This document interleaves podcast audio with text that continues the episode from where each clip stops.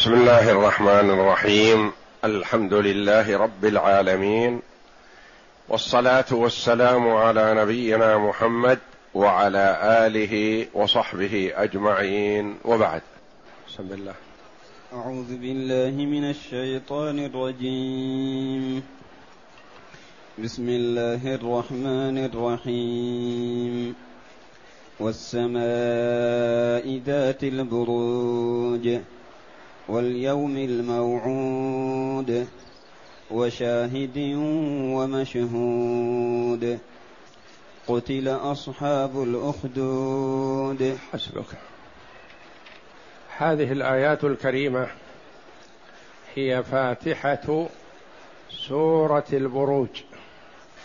وسورة البروج من السور المكية والقرآن من سوره مكي ومن سوره مدني. واصطلح العلماء رحمهم الله على أن ما نزل من القرآن على النبي صلى الله عليه وسلم قبل هجرته إلى المدينة يسمى مكي حتى ولو نزل خارج مكة. وما نزل على النبي صلى الله عليه وسلم من القرآن بعد هجرته إلى المدينة يسمى مدني حتى وإن نزل بمكة أو بعرفات أو بمنى أو بالغزوات خارج المدينة فيقال له مدني. وهذه السورة كان النبي صلى الله عليه وسلم يقرأ بها في الصلوات. فعن أبي هريرة رضي الله عنه أن رسول الله صلى الله عليه وسلم كان يقرأ في العشاء الآخرة بالسماء ذات البروج والسماء والطارق. وعن جابر بن سمرة رضي الله عنه قال أن النبي صلى الله عليه وسلم كان يقرأ في الظهر والعصر بالسماء والطارق والسماء ذات البروج.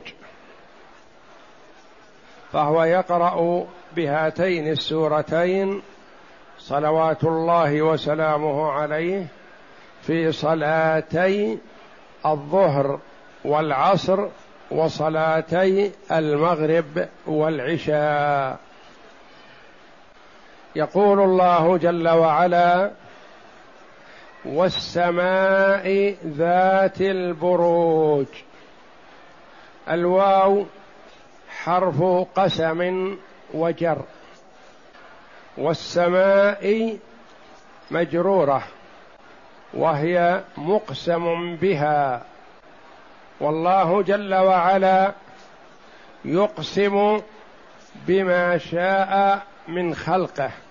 أقسم بالسماء وأقسم بالأرض وأقسم بالليل وأقسم بالشمس والقمر والتين والزيتون وطور سينين وغير ذلك من المخلوقات. يقسم بها جل وعلا للفت نظر العباد إلى عظم هذه المخلوقات وتسخيرها لمصالح العباد والله جل وعلا أعظم وأجل. وأما المخلوق فلا يجوز له أن يقسم إلا بالله جل وعلا أو بصفة من صفاته. ومن حلف بغير الله فقد كفر أو أشرك. فلا يجوز للمخلوق أن يقسم بالنبي صلى الله عليه وسلم وهو أفضل الخلق صلوات الله وسلامه عليه. ولا يقسم بالكعبة ولا يقسم بالأب ولا بالأم ولا بالأبوين ولا بغيرها من المخلوقات. لأن المرء إذا أقسم بشيء ما فقد أعطاه منتهى التعظيم. ولا يجوز لمخلوق أن يعطي منتهى التعظيم إلا من يستحقه وهو الله تبارك وتعالى. والحلف بغير الله شرك. وهو وإن كان شرك أصغر إلا أنه من أكبر الكبائر. وقد يحلف المرء بمخلوق وينقله من الشرك الأصغر إلى الشرك الأكبر. إذا وقع في قلبه التعظيم لهذا المخلوق أكثر من تعظيم الله أو مثل تعظيم الله أشرك شرك أكبر والعياذ بالله. والغالب على أن من يقسم بمخلوق أي مخلوق كائن الغالب أنه يعطيه منتهى التعظيم. وخاصة من يحلفون بساداتهم ومن يزعمون أنهم أولياء أو يحلف بصاحب الضريح أو نحو ذلك. لأن الكثير من هؤلاء إذا قيل له تحلف بالله ربما حلف وإن كان كاذب ولا يبالي. وإذا قيل له تحلف بالسيد أو الولي أو صاحب الضريح أو نحو ذلك توقف. ما يحلف إلا إذا كان متيقن من صدقه لأن في قلبه خوف شديد من هذا الولي أو صاحب الضريح. وهذا والعياذ بالله شرك أكبر. إذا وقع في نفسه الخوف من مخلوق ميت كفر بالله لأن الخوف الذي هو الوجل والعبادة ما يصح إلا لله تبارك وتعالى. فلا تخافوهم وخافون إن كنتم مؤمنين. والله جل وعلا يقسم بما شاء من خلقه وأقسم بعدد من المخلوقات لتنبيه العباد إلى عظم هذه المخلوقات والله جل وعلا أعظم وأجل. قال الله تعالى والسماء ذات البروج. ذات بمعنى صاحبة. ذا وذو وذات بمعنى صاحب. واشهدوا ذوي عدل منكم. صاحب ذا المال ونحو ذلك بمعنى صاحب المال. والسماء ذات صاحبة البروج. البروج قيل المراد بها القصور وقيل الكواكب وقيل الجمال والحسن صاحبة الحسن. والسماء ذات البروج. ذات النجوم وسميت البروج بروج بهذا الاسم لظهورها. وتسمى مثلا القصور الكبيرة والعظيمة بروج بمعنى أنها ظاهرة بينة واضحة. وكلمة بروج من التبرج وهو الظهور. والسماء ذات البروج قال الحسن ومجاهد وقتادة والضحاك هي النجوم.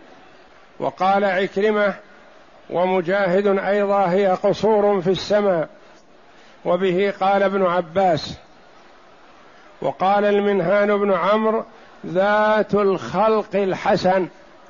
وقال أبو عبيدة ويحيى بن سلام وغيرهما هي المنازل للكواكب. وهي اثنا عشر برجا لاثني عشر كوكبا وهي الحمل والثور والجوزاء والسرطان والأسد والسنبلة والميزان والعقرب والقوس والجدي والدلو والحوت. والبروج في كلام العرب تطلق على القصور كما قال الله جل وعلا ولو كنتم في بروج مشيدة. يعني منازل عالية مرتفعة لجاءكم حقكم من الموت في وقته. وعن جابر بن عبد الله رضي الله عنهما أن النبي صلى الله عليه وسلم سئل عن السماء ذات البروج فقال الكواكب. وسئل عن قوله جعل في السماء بروجا قال الكواكب. وعن قوله تعالى في بروج مشيدة قال القصور والسماء ذات البروج واليوم الموعود. الواو حرف عطف هنا. واليوم معطوف على السماء فهي مقسم بها. واليوم الموعود والمراد باليوم الموعود في قول جمهور المفسرين هو يوم القيامة.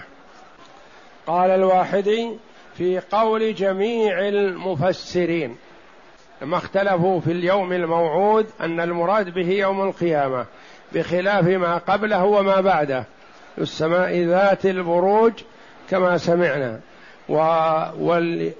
وشاهد ومشهود كما سيأتي.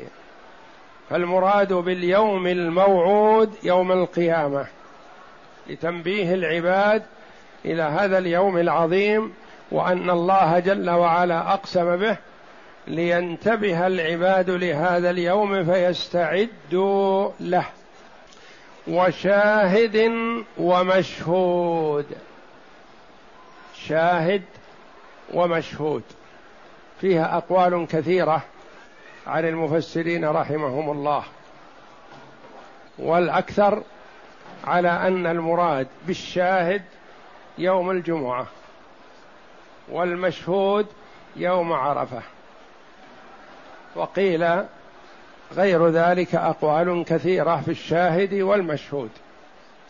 قيل الشاهد يوم التروية والمشهود يوم عرفة وقيل الشاهد أعضاء الإنسان تشهد عليه يوم القيامة وقيل الشاهد محمد صلى الله عليه وسلم فكيف إذا جئنا من كل أمة بشهيد وجئنا بك على هؤلاء شهيدا وأتي بهما نكرة وشاهد ومشهود بخلاف ما قبله والسماء معرفة ذات البروج واليوم الموعود معرفة وشاهد ومشهود لكونهما يومان والأيام كثيرة.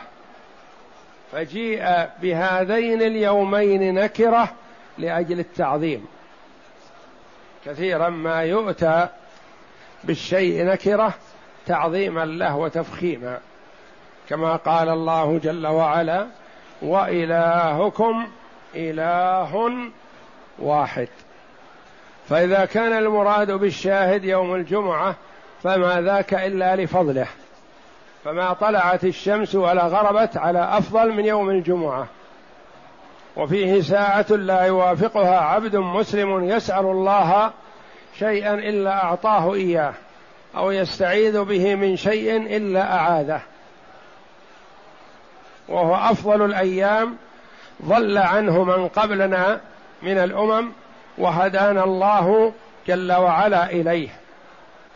فنحن بعدهم في الزمن ونحن قبلهم في اليوم الفاضل. فيومنا يوم الجمعة ولليهود يوم السبت وللنصارى يوم الأحد. ويوم الجمعة يشهد على ابن آدم بما يعمل فيه. فهو شاهد بمعنى أنه يشهد عليه بما يعمل فيه من عمل صالح أو فاسد.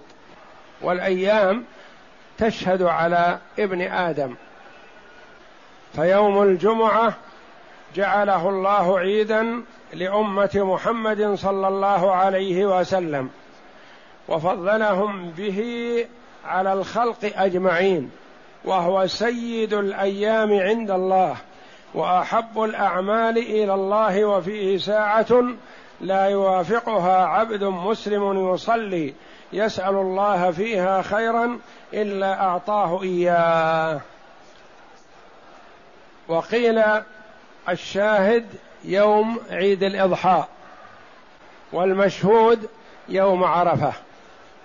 وقال النخعي الشاهد يوم عرفة والمشهود يوم النحر. وقيل الشاهد هو الله سبحانه وتعالى. وكفى بالله شهيدا. وقيل الشاهد هو محمد صلى الله عليه وسلم. لقوله تعالى فكيف إذا جئنا من كل أمة بشهيد وجئنا بك على هؤلاء شهيدا وقال الله تعالى يا أيها الرسول إنا أرسلناك شاهدا ومبشرا ونذيرا. وقيل الشاهد جميع الأنبياء صلوات الله وسلامه عليهم. لقوله تعالى فكيف إذا جئنا من كل أمة بشهيد وجئنا بك على هؤلاء شهيدا. يعني جيء بالأنبياء شهداء على أممهم. وقيل الشاهد هو عيسى على نبينا وعليه أفضل الصلاة والسلام لقوله تعالى وكنت عليهم شهيدا ما دمت فيهم. وعلى هذه الأقوال الثلاثة إذا كان المراد بالشهيد محمد صلى الله عليه وسلم أو الأنبياء أو عيسى فالمشهود وشاهد ومشهود المشهود عليهم إما أمة محمد صلى الله عليه وسلم أو الأمم كلها على أساس الأنبياء الشاهد أو أمة عيسى المشهود عليهم. وقيل الشاهد آدم عليه السلام والمشهود ذريته. يشهد عليهم. وقيل الشاهد أعضاء الإنسان والمشهود عليه هو الإنسان نفسه.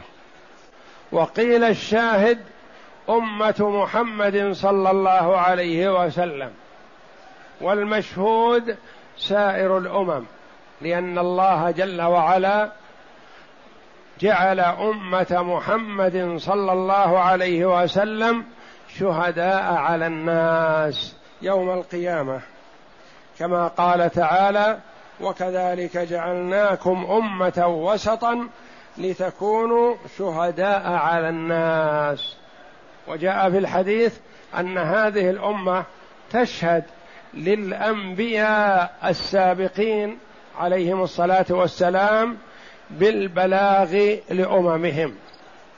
وقد جاء في الحديث أن الله جل وعلا حينما يجمع الأمة مع نبيها فيسأل النبي هل بلغت؟ فيقول نعم.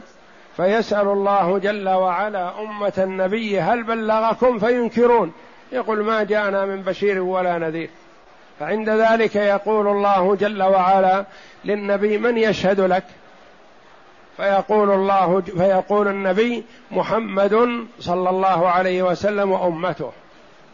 فيؤتى بهذه الأمة فتشهد بأن نوحا عليه السلام بلغ أمته وأن موسى بلغ أمته وأن إبراهيم بلغ قومه وسائر الأنبياء. فيقال وما شهادتكم ولم تدركوهم؟ فنقول بلغنا نبينا محمد صلى الله عليه وسلم أن الأنبياء صلوات الله وسلامه عليهم بلغوا أممهم. فنشهد على ما بلغنا به نبينا صلى الله عليه وسلم. وعن أبي هريرة رضي الله عنه قال قال رسول الله صلى الله عليه وسلم اليوم الموعود يوم القيامة واليوم المشهود يوم عرفة واليوم الشا والشاهد يوم الجمعة وما طلعت الشمس ولا غربت على يوم أفضل منه فيه ساعة لا يوافقها عبد مؤمن يدعو الله. في الحديث الأول قائم يصلي وفي هذا يدعو. يدعو الله بخير إلا استجاب له ولا يستعيذ من شر من شيء إلا استعاذه إلا أعاذه منه. وجاء في الحديث الآخر ما لم يدعو بإثم أو قطيعة رحم. فإذا دعا بإثم أو بقطيعة رحم فلا يستجاب له حينئذ. يقسم تعالى بالسماء وبروجها وهي النجوم العظام كما تقدم بيان ذلك في قوله تعالى تبارك الذي جعل في السماء بروجا وجعل فيها سراجا وقمرا منيرا. بروجا قصور أو كواكب. نعم. قال ابن عباس رضي الله عنهما ومجاهد والضحاك والحسن وقتادة والسدي رحمهم الله البروج النجوم. وعن مجاهد رحمه الله أيضا قال البروج التي فيها الحرس. وقال يحيى بن رافع البروج قصور في السماء. وقال المنهال بن عمرو والسماء ذات البروج الخلق الحسن. واختار ابن خيثمة أنها منازل الشمس والقمر وهي اثنا عشر برجا تسير الشمس في كل واحد منها شهرا ويسير القمر في كل واحد منها يومين وثلثا فذلك ثمانية وعشرين منزلة ويستتر ليلتين. وقوله تعالى واليوم الموعود وشاهد ومشهود. اختلف المفسرون في ذلك. أخرج ابن أبي حاتم عن أبي هريرة رضي الله عنه أنه قال قال رسول الله صلى الله عليه وسلم واليوم الموعود يوم القيامة وشاهد يوم الجمعة وما طلعت شمس ولا غربت على يوم أفضل من يوم الجمعة وفيه ساعة لا يوافقها عبد مسلم يسأل الله فيها خيرا إلا أعطاه إياه ولا يستعيذ فيها من شر إلا أعاذه ومشهود يوم عرفة. وهكذا روى هذا الحديث ابن خزيمة من طرق عن موسى بن عبيدة الربذي. وأخرج الإمام أحمد رحمه الله عن أبي هريرة يونس علي ويونس أما علي فرفعه إلى النبي وأما يونس فلم يعد أباه فلم يعد أبا هريرة أنه قال في هذه الآية وشاهد ومشهود قال يعني الشاهد يوم الجمعة ويوم مشهود يوم القيامة وعن أبي هريرة رضي الله عنه أنه قال في هذه الآية وشاهد ومشهود قال الشاهد يوم الجمعة والمشهود يوم عرفة والموعود يوم القيامة.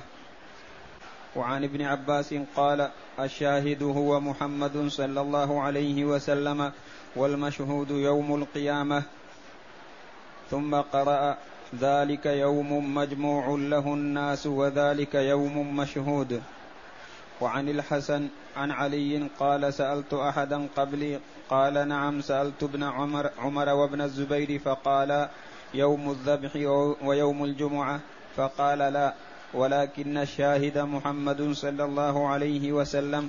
ثم قرأ فكيف إذا جئنا من كل أمة بشهيد وجئنا بك على هؤلاء شهيدا؟ والمشهود يوم القيامة. ثم قرأ ذلك يوم مجموع له الناس وذلك يوم مشهود. والله أعلم وصلى الله وسلم وبارك على عبده ورسول نبينا محمد وعلى آله وصحبه أجمعين.